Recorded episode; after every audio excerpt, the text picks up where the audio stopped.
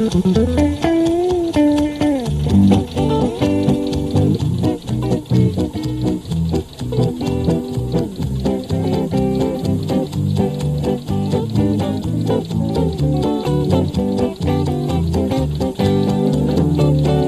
är Traktorpodden, podden som bara handlar om veterantraktorer och det kan bli hur nördigt som helst.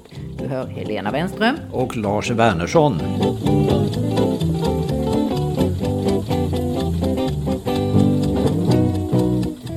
Här är det tjugonde avsnittet av Traktorpodden och vi närmar oss faktiskt 25 000 lyssnare. Jätteskoj! Ja, visst, men det är tyvärr så att det här kanske är det sista avsnittet vi gör. Men mer om det senare.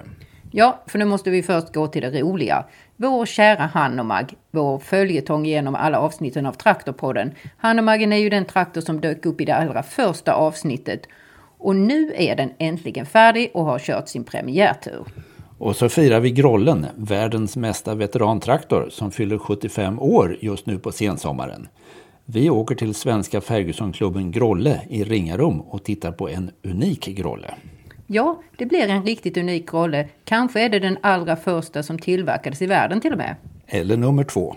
Och då passar det ju bra att historiken handlar om Grollen, inte sant? Jag hoppas att den gör det. Jajamän, det blir allt om Harry Ferguson och hans fenomenala lilla traktor. Men allra först ska vi träffa Susanne Jeppsson och Fredrik Andersson och deras Hanomag.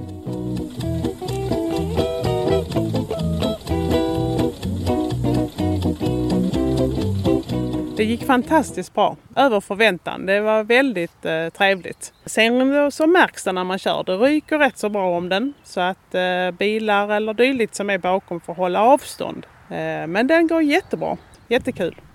Susanne Jeppsson är jättenöjd med premiärturen. Vi träffar henne och Fredrik Andersson när de är i Östra Vemmerlöv och precis har stannat till och parkerat. Ja, de firar hemester med stil. De lastar sin veterantraktor på ett släp och kör den till en uppställningsplats på Österlen.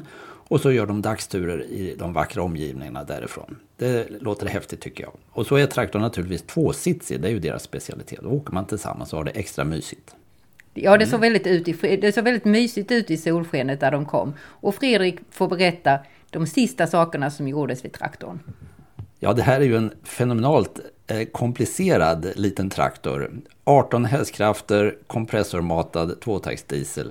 Inte helt lätt att få ihop, men en fantastiskt intressant liten sak är det. Vi lyssnar på Fredrik. Så motorn kom ju ihop eh, förvånansvärt lätt. Robban, min storebror, han är fantastiskt på sådana här gamla grejer och titta i bananlådor och hitta vad det ska vara till. För det hade jag skulle göra det finns det inte en chans att det kom ihop. Men då motorn startade och gick som den skulle. Så att det var ju mycket jobb med det. Sen har det varit eh, jättemycket eh, spackling. Susanne och Robban de har spacklat säkert 100 timmar på skärmar och eh, huvar och allt vad det är. Det gjorde ett bra grundarbete 2018 när vi började på att lägga grejerna i, i högar och sortera upp det vi visste vad det var. Det underlättar ju nu när vi målade och skulle sätta ihop. Men ni hade ändå lite problem med några grejer. Jag hörde talas om att ni fick, Robban fick häva sig på ett lakan. Vad handlade det om? Ja, när vi skulle eh, Fritz Meijer-hytten köpte vi ny fönsterlits till och eh, sen har själva ramen varit eh, påbackad en gång så att den är ju inte riktigt i samma form som rutan har så att vi gav nästan upp att nej det går inte, vi får ta det en annan dag och gå in och fika och så får vi se. Och då kom man från ingenstans med något lakan och kastade sig på den och tryckte så det var väl 50-50 om rutan skulle hålla om den gick mitt av men ibland har man tur så att den hoppade ihop eller hoppade i listen så att lite sådana specialuppdrag är det alltid. Han är en mästare på sånt. Finns det någonting kvar eller är den helt klar nu? Det finns lite grann. Det, det finns bland annat en plåtkåpa som sitter eh, framför benen på föraren som om det är för att man har ryckt av den för att man ska komma bättre till elektriskan eller varför men de, den ser man väldigt sällan. Men jag satt och tittade på tyska Ebay för ett tag sedan och då var det en annons som var publicerad första gången 2014. Så jag skickade en fråga om finns de här grejerna kvar och där svarade en Tom att jo då, den fanns den här grejen och han ville ha 300 kronor för den. Så att nu ska vi kunna komplettera med den kåpan. Så det är, inte, det är inte mycket grejer som fattas men lite brände småpiller där. Vad är du mest nöjd med? Alltså det, om man tittar på kombinationen av de här ekerfälgarna och hytten. Vi, vi tycker ju det är kul med det, alltså att när det blir rätt med, med stilen. Att det är rätt färg, det är rätt eh, tidsperiod på något vis. Det, det, det är kul att det har matchat här med med det tyska som vi är lite förtjusta i. För den är i tipptopp skick, alltså helt fixad på alla sätt och vis, men den är i originalskick. Ja, det vill man ju säga. Sen, sen om man ska vara rent ärlig, det, vad man skulle gjort det skulle vara att man skulle borrat cylindrarna och köpt nya kolvar. Men eftersom inte vi var riktigt säkra på om vi skulle kunna få ihop det så tyckte vi det var onödigt att, att lägga de pengarna. Så att det är mycket möjligt att det blir till vintern att vi river och gör det. Sen är det, liksom, sen är det svårt att hitta någonting man ska göra vid den. Då får ni plocka ur den igen. Ja, det är så. man måste ha någonting att göra. Det är långa kalla vintrar i Skåne så då måste man göra det. Men den här, den stod ju i kö lite som du uttryckte dig en gång i verkstaden. Men nu är den ute. Hur, om du rankar i olika projekt som ni har gjort, var hamnar Hanomaggen?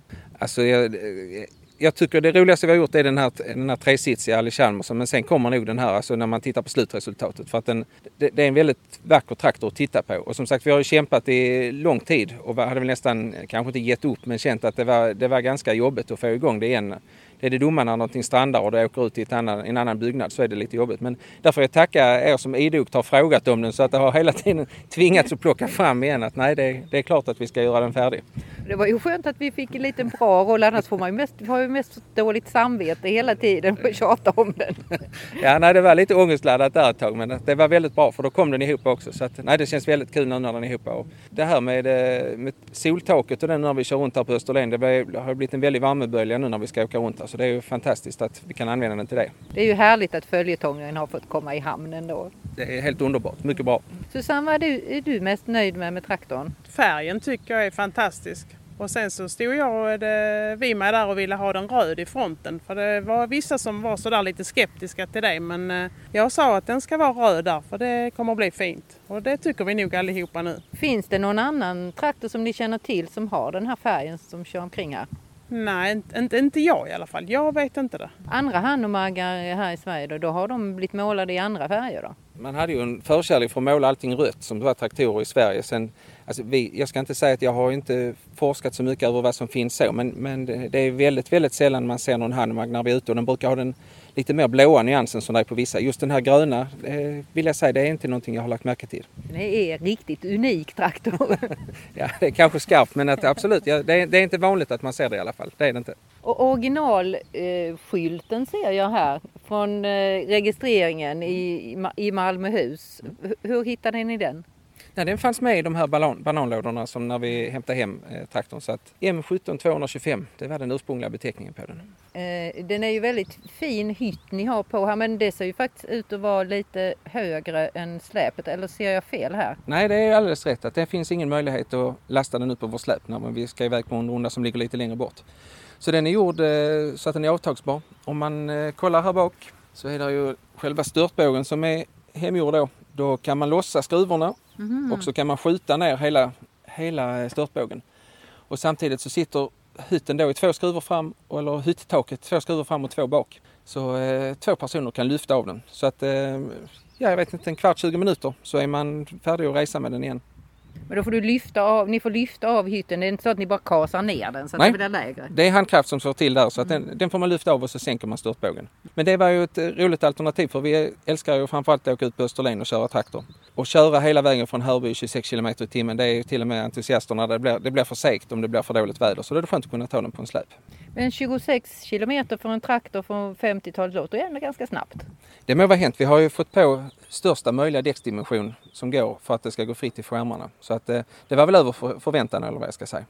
Och två säten har ni så att ni åker bekvämt tillsammans? Ja, det var det ju original också på den men vi har inte originalsätena. För, mest på grund av att det var ju ingen fjädring i dem. Och efter att ha åkt ofjädrat på alla andra fordon vi har så kunde det vara trevligt att ha någonting som man satt lite bekvämt. Ja, speciellt om man ska åka en lång runda så är det inte så dumt. Nej, faktiskt är det så. Vi var ute och körde nio mil igår med en annan traktor. Det var ju inget vidare kan jag säga. Är du sugen på att köra mer nu då? Det är jag. Ja, det är jag verkligen. Imorgon ska den rulla igen. Hur långt kör ni då? Ja, det kommer att bli hela dagen imorgon så det blir väl en tur på kanske en 5-6 mil kanske på hela dagen. Ursprunget har du också forskat lite i. Nu står vi i Östra Vemmerlöv och jag, vad jag förstår så har den faktiskt lite av sitt ursprung i Ornslunda som ligger här i närheten. Mm. Ja, vi fick med när vi, när vi köpte den här traktorn av Mats Eriksson så eh, hade han varit i kontakt med om det är Stadsarkivet eller vem det nu är. Och då hade de plockat fram att den är såld ursprungligen vid Kabusa nere vid Ystad och sen så har den varit i Onslunda med två ägare. Och sen 1971 så avslutade den i Tollarp precis eh, söder om Kristianstad. Och då, enligt utsago så är det en farbror och hans fru som har kört runt med den som en Nipa-traktor. Eftersom den var tvåsitsig så hade de den att köra till affären och liknande med. Hur känns det då att ni, den är nästan tillbaka där den kom ifrån? Ja, det är en farbror och en tant som kör igen så det är ju jättetrevligt att det, det går runt som allt annat i livet. Det är perfekt.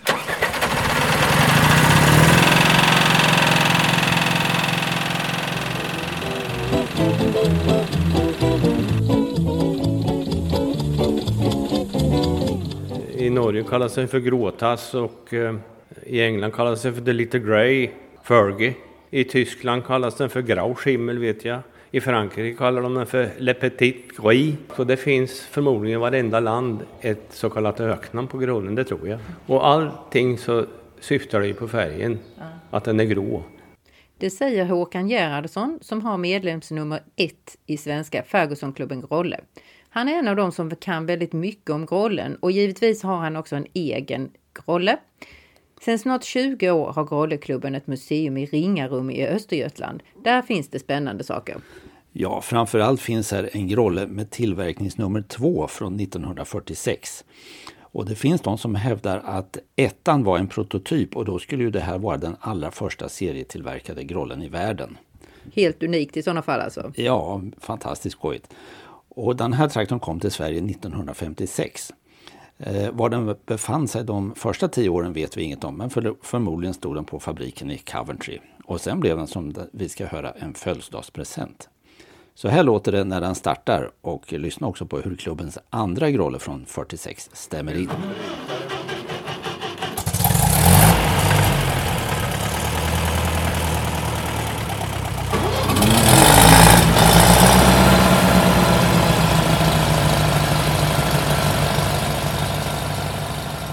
För 75 år sedan var det här alltså ljudet av framtiden.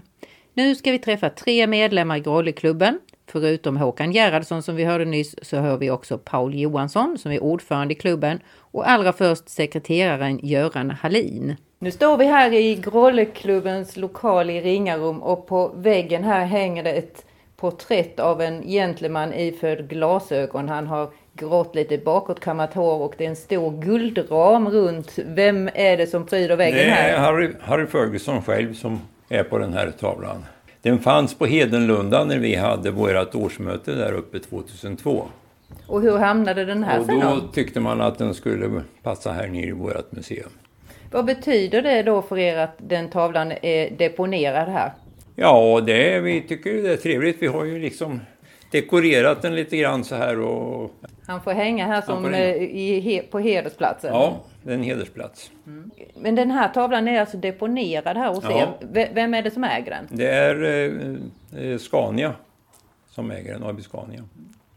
Ni har ytterligare en sak här på museet som Scania faktiskt äger som är, är eh, deponerad hos er och som är unik. Vad är det? Ja, det är vad vi kallar för Grolle 2 det är nummer två. Traktor nummer två. Som överhuvudtaget producerats Ja, världen. det tillverkades en, en provserie på sex stycken. Och den här är nummer två utav den. Ja, och det är väl en, en, en höjdpunkt för museet att ha den här. Hur kom den hit? Ja, det var ju så att vi hade förlagt vårt årsmöte till Hedenlunda som var AB Farmings eh, experimentgård och eh, kursgård kan man säga. Då fick vi ett, en förfrågan om vi ville ha den här traktorn eh, i Ringarum under förutsättning att vi gjorde ett museum. Hur kom den till Sverige då? För det måste ju vara lite speciellt att en sån eh, nummer två överhuvudtaget hamnar i lilla Sverige. Ja, den kom till Sverige 1956 när eh, den dåvarande chefen för AB Farming, eh, Lennart Kassler, fyllde 50 år så hade de anställda då på AB Farming i kombination med eh, diskussioner med England ordnat så att den här kom som en present då. Var hittar vi det unika nummer två? Det finns här. På den här mäss. på plåten här. Ja, här vid plåten är vid ratten. Och, eh, det, där är ju då typnumret var på traktorn och tillverkningsnumret. Det finns. Nu är den där skylten nött och gammal naturligtvis. Men det går att tyda. Ja, man ser tydligt att det står TE2 står det. Ja. Nu är den ju här i, i tipptopp-skick ser det ut som. Är den, den, den är renoverad men är den helt i originalskicket? Ja, det ska den vara. Den kommer ju från England i, i originalskick och eh, sen har den ju eh, lackats om här olika, vid olika tillfällen eh, på Hedenlunda. Här har vi då originalfärgen på den slutligen då.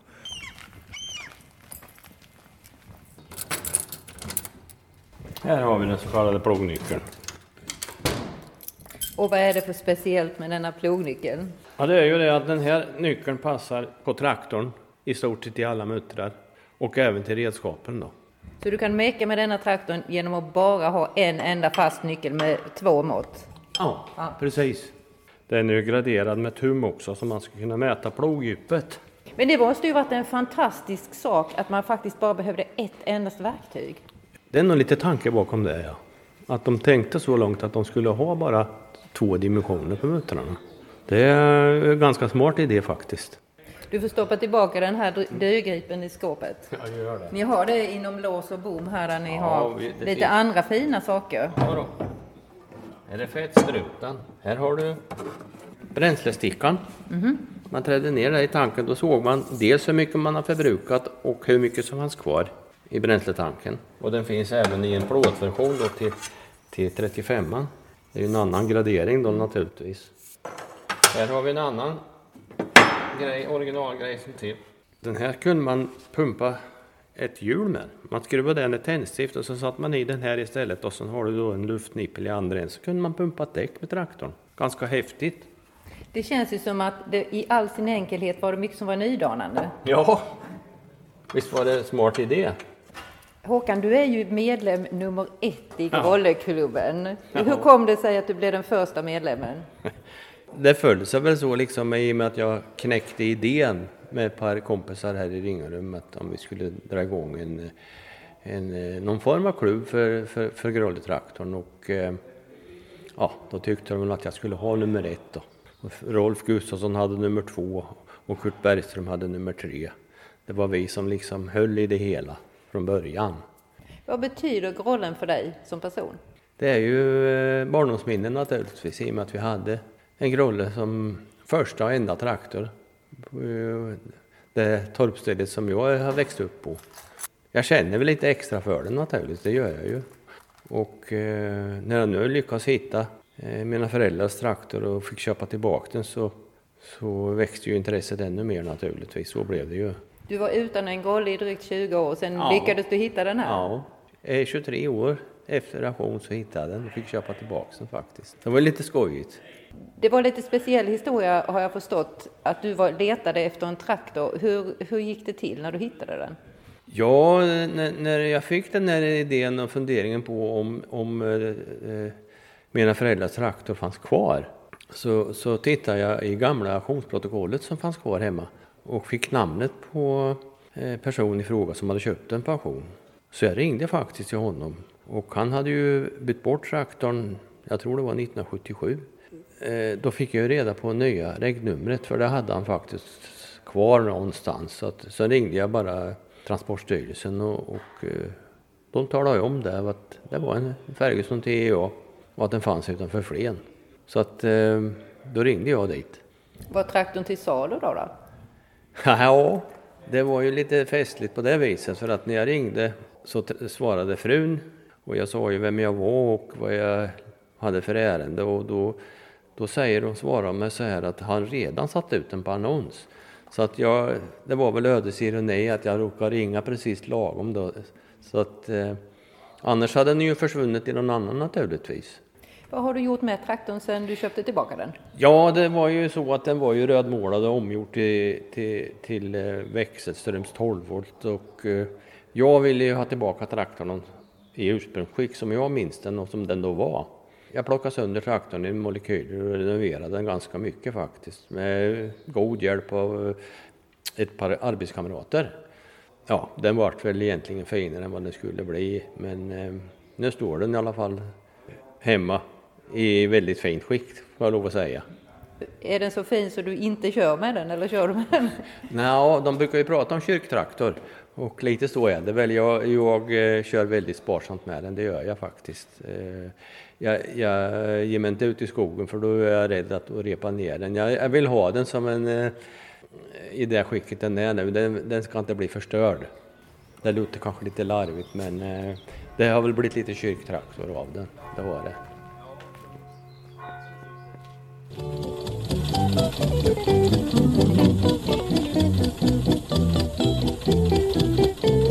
Och nu blir det Ferguson för hela slanten. Den kära lilla gråa traktorn som kallas för Grolle. Ja, visst, Ferguson TE20, eller Grollen alltså, måste vara den mest kända och älskade traktorn genom tiderna. Och den var dessutom oerhört viktig för jordbrukets utveckling efter andra världskriget. Har du själv några grolleminnen? Jo då, jag körde en hel del grolle när jag växte upp på ett familjejordbruk i Närke. Det var en dieselgrolle med ranglig väderhytt som man varma dagar gärna körde utan dörrar och de var lätta att häkta av även för en liten grabb. Vad gjorde du med den traktorn då? Enklare sysslor som att köra vagnar vid vallskörd och stängsling och vedkörning till exempel. Vältning och stenplockning efter sådd gjorde jag också. Och jag hade en liten harv som jag glatt gav mig ut i surhålen med. Och jag har faktiskt kört självbindare med den, så gammal är jag. Och på tal om gammal, nu fyller Grollen faktiskt 75 år. Ja, sommaren 1946 rullade en liten serie om sex traktorer av bandet i Coventry i Banner Lane-fabriken, ett klassiskt namn för alla Ferguson-människor. Och den kom att tillverkas där till 1956 i inte mindre än 517 651 exemplar. Wow! Och varför blev den här traktorn en sån succé då? Ja, det finns många förklaringar och det är den store innovatören Harry Fergusons förtjänst, traktorns skapare. Harry Fergusons namn har man ju hört många gånger, men vem var han egentligen? Berätta lite om honom. Han var nordirländare och han föddes 1884. Han var lantbrukarson och han började jobba i sin brors mekaniska verkstad i Belfast. Och så småningom öppnade han eget. Han började att sälja bilar och snart också traktorer, nämligen de amerikanska Waterloo Boy eller Overtime som de kallades på Irland. Det gjorde han mellan 1916 och 18 då John Deere tog över Waterloo Boy i USA. Mitt under första världskriget alltså? Ja, och kriget gjorde ju att jordbruket måste mekaniseras eftersom stora delar av arbetskraften var inkallad för krigstjänst. Harry fick jobb som statlig konsult med uppgiften att lära traktorförarna att arbeta så effektivt som möjligt. Och det sägs att det var då han fick insikter om hur en traktor fungerade och borde fungera. Framförallt hade han synpunkter på hur redskapen skulle fästas på traktorn. Harry tyckte det var fel att de bara skulle släpas bakom traktorn. Fel och fel, varför var det fel då? Ja, han tyckte att det fanns ju en risk för överstegring till exempel. Och så kunde man eh, göra traktorn mer mångsidig med den här eh, trepunktslyften som utvecklades så småningom. Var det då eh, Grollen föddes? Nej, det skulle dröja. Först fick Harry patent på en plog, Belfast-plogen, som satt fast i två punkter på traktorn och minskade just risken för överstegring. Han fick patent på den 1917 och den här plogen blev en framgång. Men snart tänkte han att tre fästpunkter är bättre än två och när vi nu närmar oss 1930-talet så hittar Harry på den hydrauliska trepunktslyften. Och det är någonting som vad jag förstår finns på varje traktor sedan dess, eller hur? Ja, det var fullständigt banbrytande. Inte minst med tanke på att Harry förfinade det hela med ett system för avkänning av jordmotståndet vid plöjning. Gick det tungt lättade plogen innan traktorn slirade och vice versa. Plöjningsdjupet hölls i stort sett konstant och traktorn kunde dra tyngre än den låga vikten egentligen tillät. Det låter ju som en fullständigt snillrik uppfinning. Ja, det var det absolut. Och Harry försökte ju naturligtvis intressera traktortillverkare att ta upp den här idén. Men det gick trögt, så han byggde en egen prototyp 1933 kallad Black Tractor för att den var målad i, ja du förstår. Typ svart. Ja, och den tog han till David Brown i Huddersfield som vid den här tiden inte tillverkat traktorer utan bara kugghjul och transmissioner av olika slag. Och ett avtal slöts och Harry fick 1936 äntligen ut sin traktor på marknaden. Den hette Ferguson Brown A. Är det den som är Grollens föregångare då? En av dem, för historien är längre än så. Vi måste bege oss till Amerika och Henry Ford först också. Ferguson Brown blev ingen succé. Den byggdes bara runt eh, 1500 exemplar under tre år. Den var för dyr jämfört med Fordson N, den som vi kallar för låglund. och man behövde också Fergusons speciella redskap för att utnyttja den fullt ut. Men Fordson-traktorn var ju massproducerad. Det har vi ju pratat om här tidigare i podden. Är det nu då som Henry Ford kom in i bilden? Ja, eh, han och Harry träffades i Detroit 1938. De hade gemensamma intressen. Harry ville förstås få ut sin traktor eh, på marknaden i stor stil och Henry ville ha en ersättare till den gamla Fordson Låglund. Den byggde ju egentligen på 1917 års Fordson F. Och båda var ju lantbrukarsöner, båda hade rötterna i Irland så de bestämde sig direkt för att samarbeta. De brydde sig inte om att skriva något avtal utan de bekräftade bara saker med ett handslag. Det i traktorkretsar berömda Handshake Agreement. Alltså någon slags motsvarighet då till Gentlemen's Agreement? Ja, det var två gentlemen här och två riktiga tjurskallar också för övrigt. Vad har det med rollen att göra då? Jo, medan Black Tractor och Ferguson Brown visserligen hade Fergusons trepunktssystem såg de inte ut som grollar. Men nu gjorde de det när Ford började tillverka sin 9N 1939. En traktor med fyrcylindrig Ford-motor på cirka 25 hästkrafter. Den är till förväxling lik den grolle vi känner. Och det var alltså Ford som tillverkade den då? Ja, i nära 100 000 exemplar. Och 1942, en bit in i andra världskriget, kom en något enklare modell och efter kriget lanserades 8N som tillverkades i över en halv miljon exemplar. Och totalt byggdes nära 800 000 sådana här traktorer i USA. En braksuccé alltså. Men du sa ju 1942, det är ju mer än 75 år sedan. Såldes de här traktorerna i Sverige? Nej, här hemma hette Ford-traktorerna fortfarande Fordson E27N, Höglund som vi säger ännu en föråldrad modell egentligen. Men allt var inte frid och fröjd mellan Harry och Henry Ford. Så länge gamle Henry levde gick det bra, men när sonsonen Henry Ford II tog över som VD kärvade det direkt. Eh, han avslutade handslagsöverenskommelsen 1947 men fortsatte att tillverka traktorer med Harrys patenterade system. Hur gick det med det då? Det blev stämning och en process som Harry vann 1952. Han fick över 9 miljoner dollar i skadestånd. Fast eh, minst hälften hade ju gått åt till advokatkostnader förstås. Och vid det här laget höll hans patent på att löpa ut också. Men nu får vi väl äntligen snart komma till vår kära Grolle. Nu är vi framme. Harry hade fått löfte om att hans traktor skulle tillverkas i Fords fabrik i Dagenham i England, men så blev det aldrig. Men Harry hittade en annan tillverkare, Standard Motor Company. Standard ville ha in en verksamhet som ersatte krigsmaterielproduktionen i sin fabrik i Coventry. Vi vet ju vad den hette, Banner Lane. Och där började grollen tillverkas 1946 alltså. Modellbeteckningen var TE20 och TE står för... Låt mig gissa, kan det vara Tractor England? Just det. De här eh, modellbeteckningarna är en hel vetenskap har jag förstått.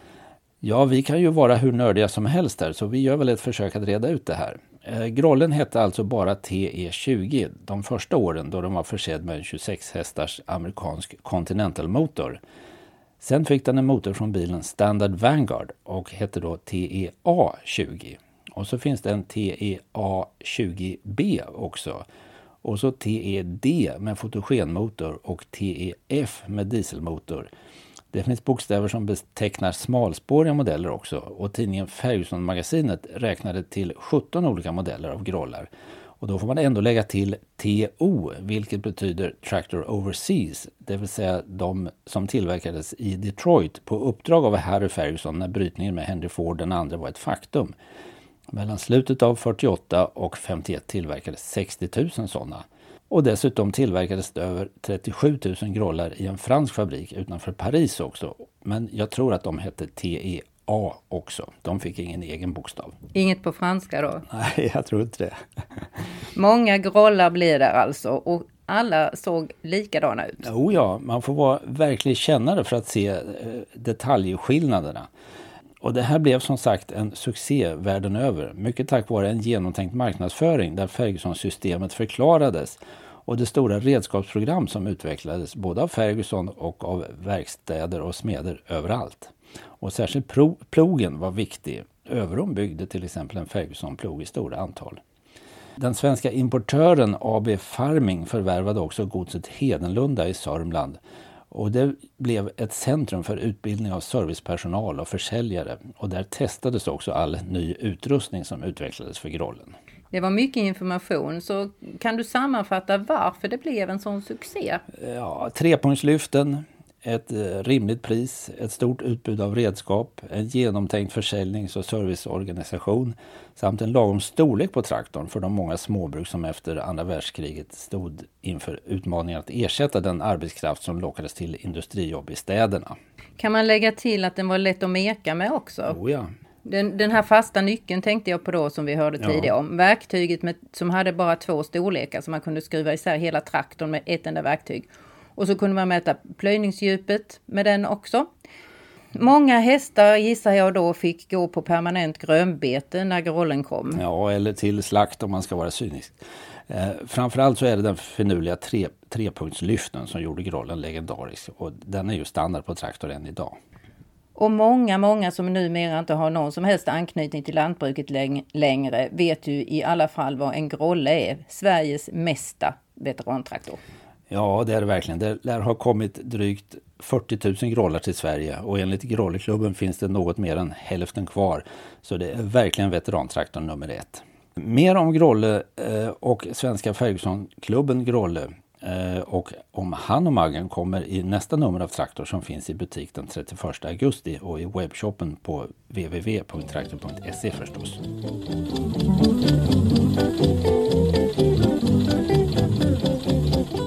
Nu börjar det bli dags att avsluta det här mastodontavsnittet. Det var någonting som du skulle komplettera med från förra avsnittet, eller hur?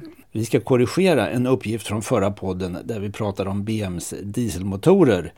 BM skapade i början på 50-talet en motorfamilj där det bara var antalet cylindrar som skilde de olika typerna åt. BM 35 och 36 fick trecylindriga motorer och sen kom fyr och tvåcylindriga motorer i Bison och Victor. Men någon encylindrig variant kände jag inte till. Eh, men nu har jag fått ett trevligt mejl från Björn Löving i Kärna på västkusten som också bifogade en broschyr över BMs marindieslar och där finns det en 1051 motor och den sista siffran anger cylinderantalet. 105 är alltså cylinderdiametern.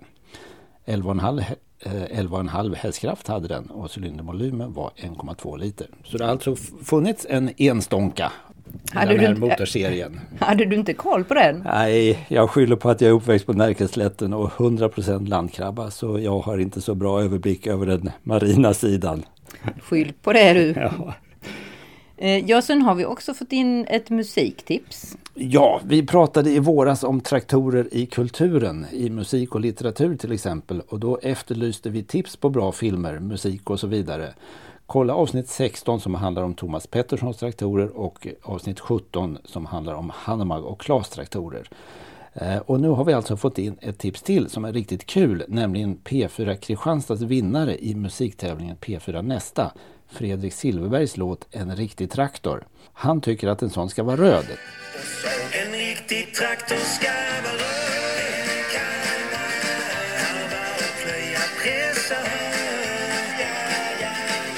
Den röstades fram av lyssnarna som vinnare och den har gått till final. Finalen går den 3 september och vi får se om Fredrik tar sig dit och då kan man rösta. Googla P4 nästa så får man reda på hur man gör. Vi håller tummarna. Och nu kommer vi till det lite trista slutet. Eh, förlaget Alvinsson och Sjöberg som ger ut tidningen Traktor har beslutat att Traktorpodden ska läggas ner. Varför det? Det har varit svårt att hitta sponsorer som långsiktigt vill satsa på podden. Det kostar en del att producera den och det kan man ju inte hålla på med hur länge som helst utan rimliga intäkter. Mycket tråkigt men så är det.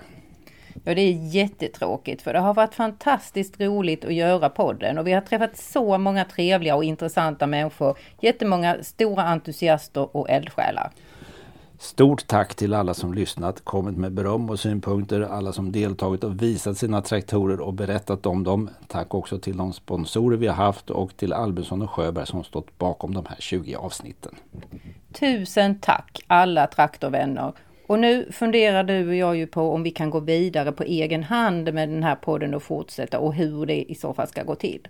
Vill ni höra av er så får ni väldigt gärna mejla till oss på mejladressen traktorpodden gmail.com. Glöm inte att du kan lyssna på alla de 20 avsnitten. De finns kvar på traktorpodden.se, Spotify med flera ställen. Det finns mycket traktorglädje där. Nu avslutar vi med Olle Hemmingssons fantastiska traktormusik. Stort tack även till Olle förstås. Tack och hej! Hej då!